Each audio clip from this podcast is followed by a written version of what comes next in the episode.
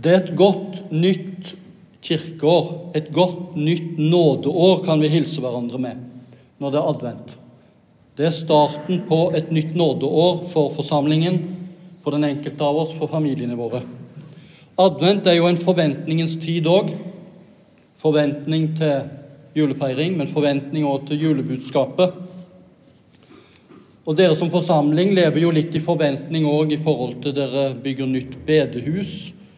Eh, og skal fylle dette bedehuset med et rikholdig arbeid. Og det er jo nydelig å se eh, alle barna som går inn til Havana og søndagsskole. Så til lykke med nytt bygg, men òg til, lykke, med å fylle dette nye bygget med en vidunderlig nådens luftning. For det er det litt av budskapet i dag handler om, at Jesus utroper et nådens år fra Herren. Det handler om nåde. En har sagt det sånn Grace is the main subject of pastoral conversation and preaching. Nåde er hovedemnet for en pastors samtaler og forkynnelse. Og så kunne vi omskrive det litt i forhold til en forsamling som dere, at deres forsamlings hovedemne skulle være nåde både i forsamlingsarbeidet og forkynnelsen. Det handler om nåde. Eller så forberedte jeg meg de siste morgentimene med lyden av barnebarns latter i siderommet, pluss Kaptein Sabeltann også. Men Det syns jeg for så vidt var en, en, en, god atmosfære å gjøre de siste forberedelser. Eh, dagens tekst er fra Lukas 4, eh, men først har jeg lyst til å dele noe som ligger meg eh, litt på hjertet som blir på en måte litt som dagens bønn og tilbedelse fra min side her fra talerstolen, som jeg også har delt en del rundt omkring i disse tider. For vi møtes jo for tiden med sterke sanseinntrykk, synsinntrykk, gjennom TV og medier om terror og krig, tårer og skrik. Og da tenker jeg litt på Vi er blitt godt vant eh, i kristenheten nå, og også i Bedehus-Norge, med lovsangsteam, og det er nydelig. Som leder oss i lovsangen på gudstjenester og samlinger. Men så har jeg tenkt i disse tider at vi skulle også hatt et klagesangsteam. Den utfordringen vil jeg gi rundt omkring i forsamlingene. For en tredjedel av Salmenes bok Israels lovsangsbok er klagesanger. Og Der er det til og med noen klagesanger som egentlig munner ut i bl.a. Salme 88, hvor det ikke egentlig oppleves som at det er noe håp engang. Det er bare klage. Vi kjenner eller hører når det kommer til jul, om lovsangen på Betlehemsmarkene. For det forkynnes en stor glede for hele folket, for alle mennesker. Så det er grunn til lovprisning og lovsang. Men om vi hører godt etter òg i julebudskapet, så stiger det opp et ramaskrik også i Betlehem. Når alle barna under to år blir drept av Herodes soldater. Så det stiger opp også et klageskrik og en klagesang. Og jeg syns vi skal inkludere i vårt bønneliv, andaktsliv og forsamlingsliv også dette med klagen, det å gråte med de gråtende. Israels og Gazas tårer, barn i mors liv sitt tause skrik, Ukraina og Russlands tårer og skrik, flyktningers desperasjon og fortvilelse. Og vi kunne fortsatt langt. Derfor så vil jeg be en gammel bønn innledningsvis nå, i Jesu navn. Må Gud velsigne deg med hellig vrede når mennesker opplever urett, undertrykkelse og utnyttelse, så du utrettelig kan arbeide for rettferd, frihet og fred blant alle. Må Gud velsigne deg med tårenes gave, så du kan gråte med dem som lider smerte, avvisning, hunger eller tapet av det de elsket mest, så du kan rekke ut hånden for å støtte dem og forvandle deres smerte til glede. Må Gud velsigne deg med nok dårskap til å tro at du virkelig kan utgjøre en forskjell i denne verden, så du med Guds nåde er i stand til å gjøre det andre hevder er umulig. Herre, i ditt navn. Amen. Unnskyld. Dere som ser mye film, har sikkert en favorittfilm. Eh, og Se for deg at du sitter i kinosalen og ser favorittfilmen, og kanskje med din favorittskuespiller, med din helt på skjermen. Og så plutselig under visningen så stiger denne helten din, enten det er fordi det er skuespilleren som er helten din, eller figuren i filmen, så stiger han ut av lerretet og kommer bort til deg og gir deg en klem og begynner å snakke med deg. Eller du som ligner mer på meg, som har sunket dypt ned i en god bok, og plutselig så stiger personen du er mest fascinert av i boken, opp fra bokbladet, boksidene. Se for deg noe slikt.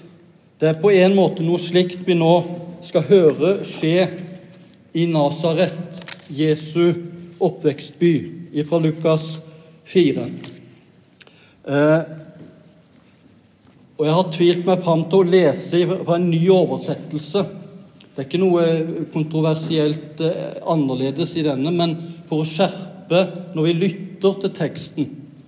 Eh, så hør godt etter, og du som har Bibelen med, kan jo følge med også, og, og, og, lytte på den måten. Eh, mens Jesus han tar seg den frihet når han leser fra Skriftene denne dagen i Nasaret, til å korte ned teksten, så tar jeg meg en frihet å lese litt mer enn det som er satt opp på teksten i dag. Fordi det har tatt meg litt om denne sterke hendelsen og fortellingen.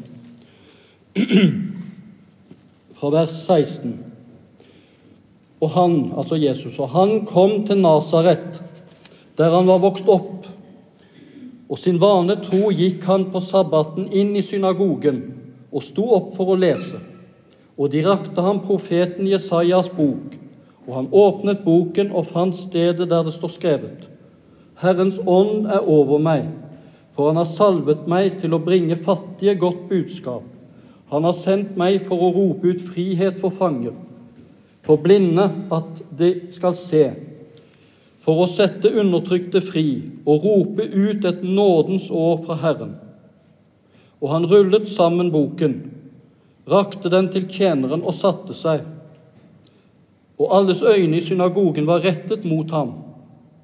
Han begynte med å si til dem, I dag er dette skriftordet oppfylt for deres ører. Og alle ga ham bifall og undret seg over de nådens ord som gikk ut over hans munn, og sa, Er ikke dette Josefs sønn? Og han sa til dem, Dere vil sikkert nevne for meg det ordtaket, lege, leg deg selv, og si, Det vi har hørt at du har gjort i Kapernaum, gjør det også her på ditt hjemsted. Men han sa, Jeg sier dere for sant at ingen profet blir vel mottatt på sitt hjemsted. Jeg sier dere som sant er, at det, tar, det var mange enker i Israel i Elias dager, da himmelen var lukket i tre år og seks måneder, og det ble stor hungersnød i hele landet. Og ikke til noen av dem ble Elias sendt, men bare til Sarepta i Sidons land, til en kvinne som var enke. Og det var mange spedalske i Israel på profeten Elia, Elisas tid, men ingen av dem ble renset, bare Naaman, syreren. Og alle i synagogen ble rasende da de hørte dette. Og de sprang opp og jaget ham ut av byen og førte ham ut på en skrent av det fjellet byen deres var bygget på, for å styrte ham utfor. Men han kom seg fram midt iblant dem og gikk bort.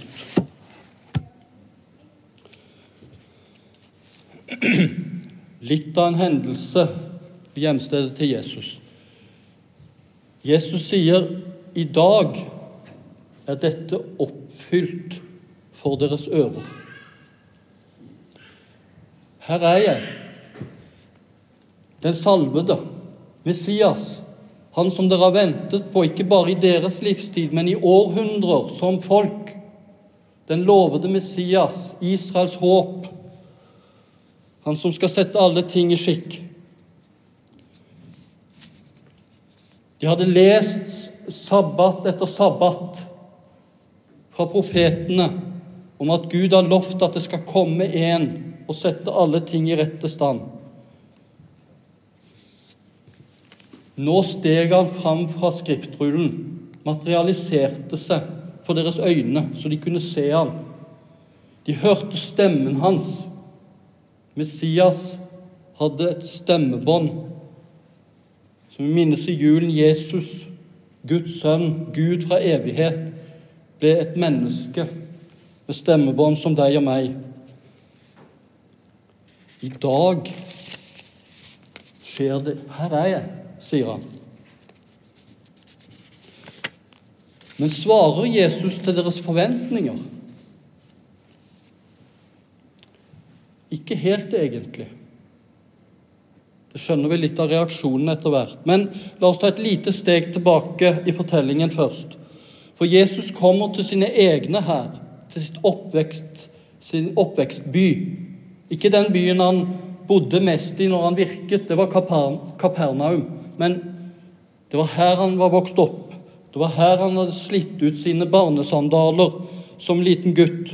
Det var her han hadde lekt med de andre i gaten. Det var her han hadde lært å gå og snakke. Og det var her han også etter hvert hadde jobbet med sine hender sammen med far sin Josef i byggebransjen eller i snekkerverkstedet. Det var her han hadde lært sin bibel å kjenne, som han hørte i synagogen. Og det var også her han trofast hadde lært å gå i synagogen. Og vi leste òg i dagens tekst og sin vane tro gikk han på sabbaten inn i synagogen. I dag vil jeg slå et lite slag for vanekristendom. Vanekristendommen. I våre sammenhenger så snakker vi av og til om vanekristendom og vekkelseskristendom som noen eh, slags motsetninger, og som hvor vanekristendommen er negativt og vekkelseskristendommen er positiv. Og vanekristendom forstått som en munnens bekjennelse, en munnens lovprisning, hvor hjertet ikke er med navnekristendom, vanekristendom uten at det kommer fra hjertet, og en hjerterelasjon til Jesus, så er vanekristendom farlig. Og I den sammenheng trenger vi vekkelse, fornyelse og nytt liv. Men altså i dag vil jeg slå et slag for den gode vanekristendommen. Det å gå etter sin vane til gudstjeneste på søndagen. Det å etter vane be til sin Gud, f.eks. morgen og kveld, eller ha familieandakt. Vi mennesker vi trenger rytme og vaner i det vanlige liv. Vi trenger veksling mellom arbeid og hvile, mellom dagens aktivitet og nattens søvn og hvile. Vi trenger rytmer med måltider, med mat og drikke for kroppen vår, for helsen vår, for velværen vår. Og vi trenger rytmer og rutiner med dusjing og tannstell osv. Vaner og rytmer. Vi trenger det også for kristenlivet vårt, troslivet vårt, forsamlingslivet vårt. Den gode vanekristendommen er livreddende. For der får vi den maten og drikken vi trenger også for det åndelige og kristenlivet og hverdagslivet vårt som kristne. Og Jesus hadde altså gått i eh, synagogen denne sabbaten sin vane tro og sto opp for å lese. Dette var en jødisk sabbatsgudstjeneste med sin faste liturgi. Og da var det ofte slik at Og nå var Jesus blitt en berømt rabbi, lærer. Og så Nå var han kommet til hjemstedet, og da var det naturlig sikkert for lederen i synagogen å gi skriftrullen til Jesus og be han lese og si et formaningsord. Og Jesus sto opp for å lese i Jesajas boken, eller bokrullen, hvis du la merke til også sånn som det sto når Jesus leverte tilbake bokrullen som vi leste i denne oversettelsen. For det var ikke bøker sånn som vi har her, hvor vi kan bla fram og tilbake, men det var en bokrull. Eller som på engelsk scroll. Scrolle. Dere kjenner til begrepet i dag scrolle med mobilen. ikke sant? Det er vi blitt veldig godt kjent med. Og Det kommer vel egentlig fra dette med rull, bokrull. Og der må du scrolle bortover, sånn som en skriftrull, eller som vi scroller nedover eh, sidene. Eh, og Det gjør at i vår tid med smarttelefonene våre, så er vi bare delvis til stede. Uh, Ingvar Arnbjørnsen skrev på 90-tallet en novelle som het 'Delvis til stede', og handler ikke om dette. Men når han i en samtale med Alf van der Hagen snakker om den tiden han nå lever i, 2022, så slår det han når de snakker om den novellen, at den tittelen som ikke handler om det, men det er en god tittel på vår tid, sa Ingvar. Og det tror jeg han har rett i. Vi er delvis til stede. Vi har denne mobilen som er hjertet. Det er helt gale, vet du. Vi har hodet under armen, bokstavelig talt. Vi må google når vi skal ha noe. Og det gjør oss delvis til stede. Og det er ikke, ikke veldig bra. Det er tittel på vår tid. Men Jesus han er ikke delvis til stede. Det var det som var det sterkt Gud er nå til stede. Her er jeg. I dag er dette skriftord oppfylt for ørene deres, deres ører, sier Jesus. Jul handler om at Jesus, Gud, har blitt kjøtt, blitt menneske og tatt bolig iblant oss, flyttet inn i nabolaget vårt. Han har gjort seg nærværstilgjengelig. Det nasareerne opplever og ser her, det at den lovede Messias, Gud Herren, han er nå kommet for å bringe gode nyheter for fattige. Og at fanger skal settes i frihet, blinde skal se, og at det skal utropes et nådens år fra Herren. Nå er jeg her. Nå hører dere stemmen min, dere ser meg. Jeg liker å tenke på dette som Jesu korteste preken. Én setning. Aldeles nydelig. De fleste tilhøreres drøm, kanskje. Iallfall er det det også for meg av og til som tilhører. En, en kort og nydelig og fyndig tekst, eller preken. Her er jeg. En annen gang, første påskedag, når disiplene var samlet bak stengte dører fordi de var redd for jødene, i denne spenningen mellom de hadde trodd Jesus var stein død, han de hadde satsa livet på og håpt var den som skulle forløse Israel. Men nå hadde han ligget i graven tre dager. Men nå gikk ryktene, og noen hadde møtt han som den oppstandende. Så de samla der bak lukkede dører, redde. Så står han plutselig blant dem, viser dem sine hender, sår i hendene og sin side, og sier 'Fred være med dere'. Og da står det 'Da ble disiplene glade da de så Herren'. Han var ikke død. Se, han lever. Det de trodde var en katastrofe, viste seg å være løsningen på deres problem. Men ble nasareerne glade da de hadde sin bygde sønn her nå? Svarte Jesus til deres forventninger, denne sabbatsgudstjenesten? Nei, ikke, ikke helt. Først så var de fascinert, begeistret og lovpriste og bifalt denne setningen, denne korte talen. Men de, de stirret på ham. De, det var noe de ikke forsto seg på. Og når Jesus begynte å ta opp dette at han var Josefs sønn, han var en av deres egne, Og det han da begynner å si, og begynner å trekke inn et par fortellinger som de kjente godt fra Det gamle testamentet, så blir de rasende etter hvert og ville drepe ham. Hva i all verden er det som skjer? Hva er det med dette med Jesus som står der, lys levende? Her er jeg. Han kom til sine egne, men hans egne tok ikke imot ham, viste det seg. For de ble nok provosert av både det at han stoppet der han stoppet i skriftlesningen. Han utelot og nå må vi huske at disse som var på denne sabbatsgudstjenesten, mange av de var lommekjente i sin bibel. Mye mer enn vi bedehusfolk er lommekjente i våre bibler eventuelt. Og Når Jesus gir en korte setninger med en fortelling om en enke i Sarepta og, og, og, og syreren av Aman, så kjenner de beretningen veldig godt. Slik som om jeg hadde sagt Sakkeus eller den bortkomne sønn eller den barmhjertige samaritan, så ville fortellingene surre i deres indre med en gang. De kjente det, det som var rundt dette avsnittet Jesus leste fra. Ånden har salvet meg til å forkynne gode nyheter for fattige.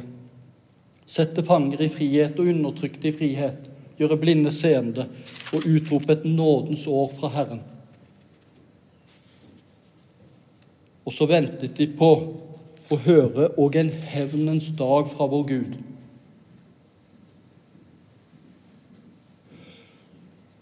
Og Så leste jeg litt gjennom kapitlene 60, 61 og 62 i Jesajas-boken.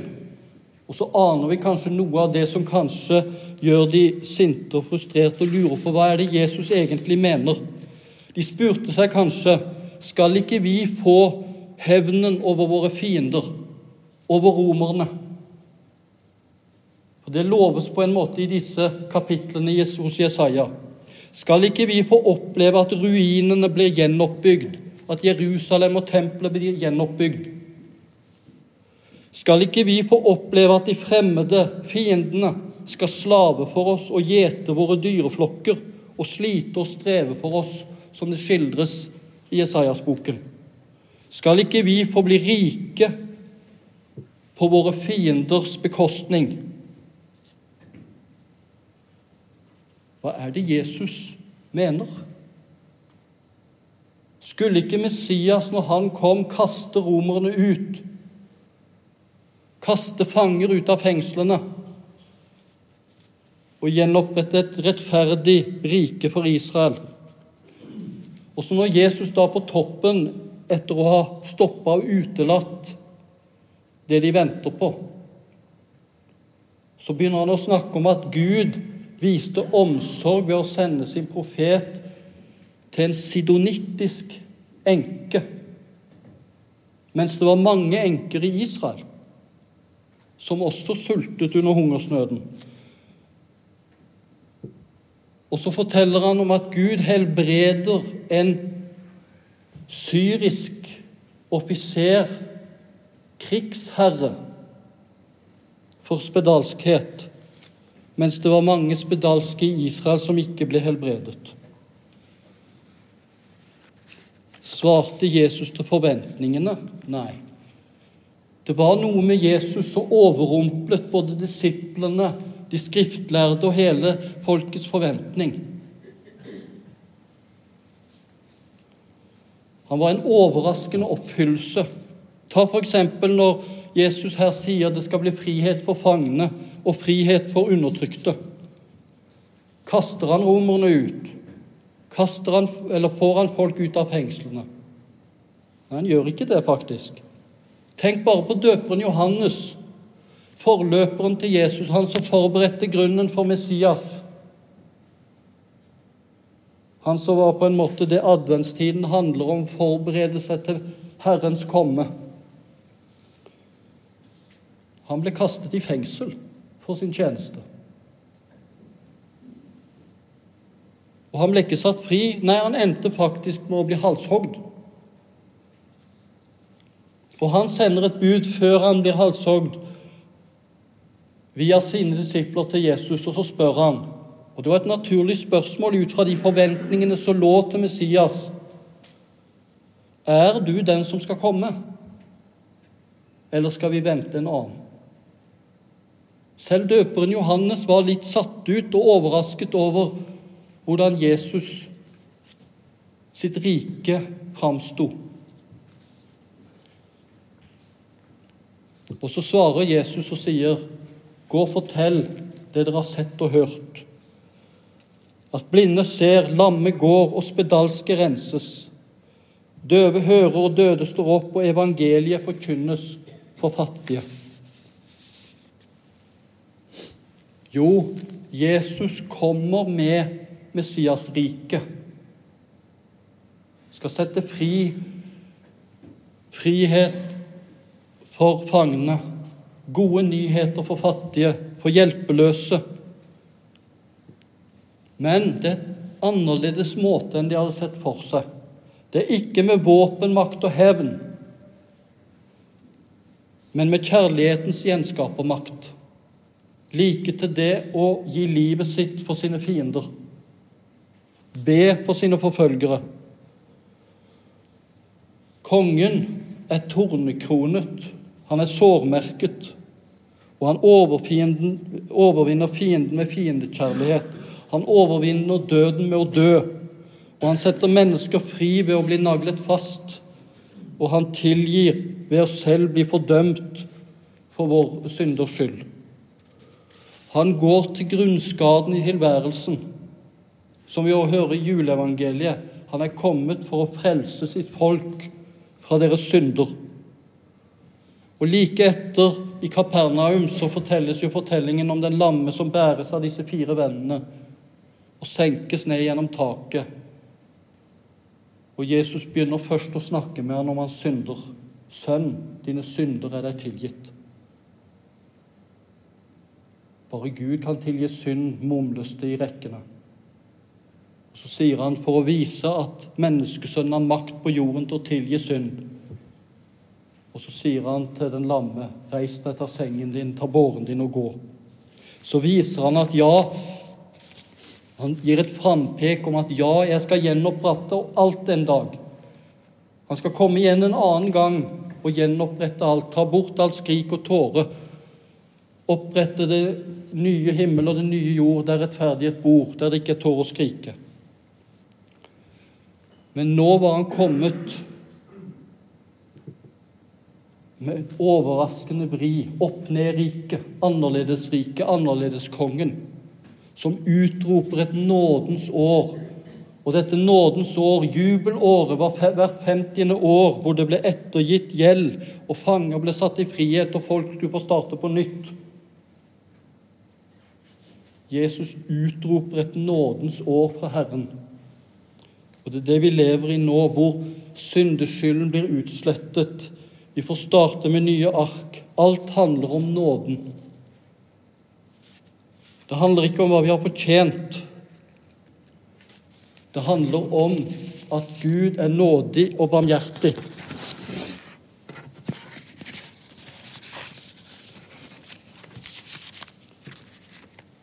Også i våre forsamlinger, i våre familier som kristenliv, så handler det om nåden. Jesus overrumpler oss med nåden når vi minst venter det, og når vi minst fortjener det. Det er det Jesus bringer og utlyser her. Max Lucado har skrevet et slags dikt om dette, hvor, hvilken stor forskjell dette med nåden utgjør eh, i våre liv. For en forskjell! Der Guds nåde er fraværende, blir bitterheten født. Men der Guds nåde blir tatt imot, blomstrer tilgivelsen. Jo lenger vi går omkring i hagen, jo mer sannsynlig er det at vi dufter av blomster. Jo mer vi senker oss ned i nåden, jo mer sannsynlig er det at vi gir nåde. Så var Jesu overraskende oppfyllelse at han nå ikke var kommet for hevnen og dommen, men for å frelse, for å vise barmhjertighet, for å tilgi, for å gi sitt eget liv til soning for alle våre synder. Og gi oss, et nådens livsrom som vi kan vandre i hverdagen. så vi kan vandre i frihet, ikke etter hva vi har fortjent, men etter hva Han, han viser i sin nåde. For Jesaja står det òg for om fjellene viker og haugene vakler, skal min godhet aldri vike fra deg. Min fredspakt skal ikke vakle, sier Herren, som viser deg barmhjertighet. Han er den gode og trygge og trofaste og barmhjertige. Han utroper et nådens år fra Herren. Godt nytt nådeår i forsamlingen, skal vi be til slutt. Takk, Herre Jesus Kristus, du står her foran oss. Du er også bak oss. Du er på vår høyre side. Du er på vår venstre side. Du er over oss, og du er under oss. Du omgir oss på alle sider. Du bor i våre hjerter, og du gjennomtrenger oss helt. Og du elsker oss, Herre Jesus. Takk og lov for det. Amen.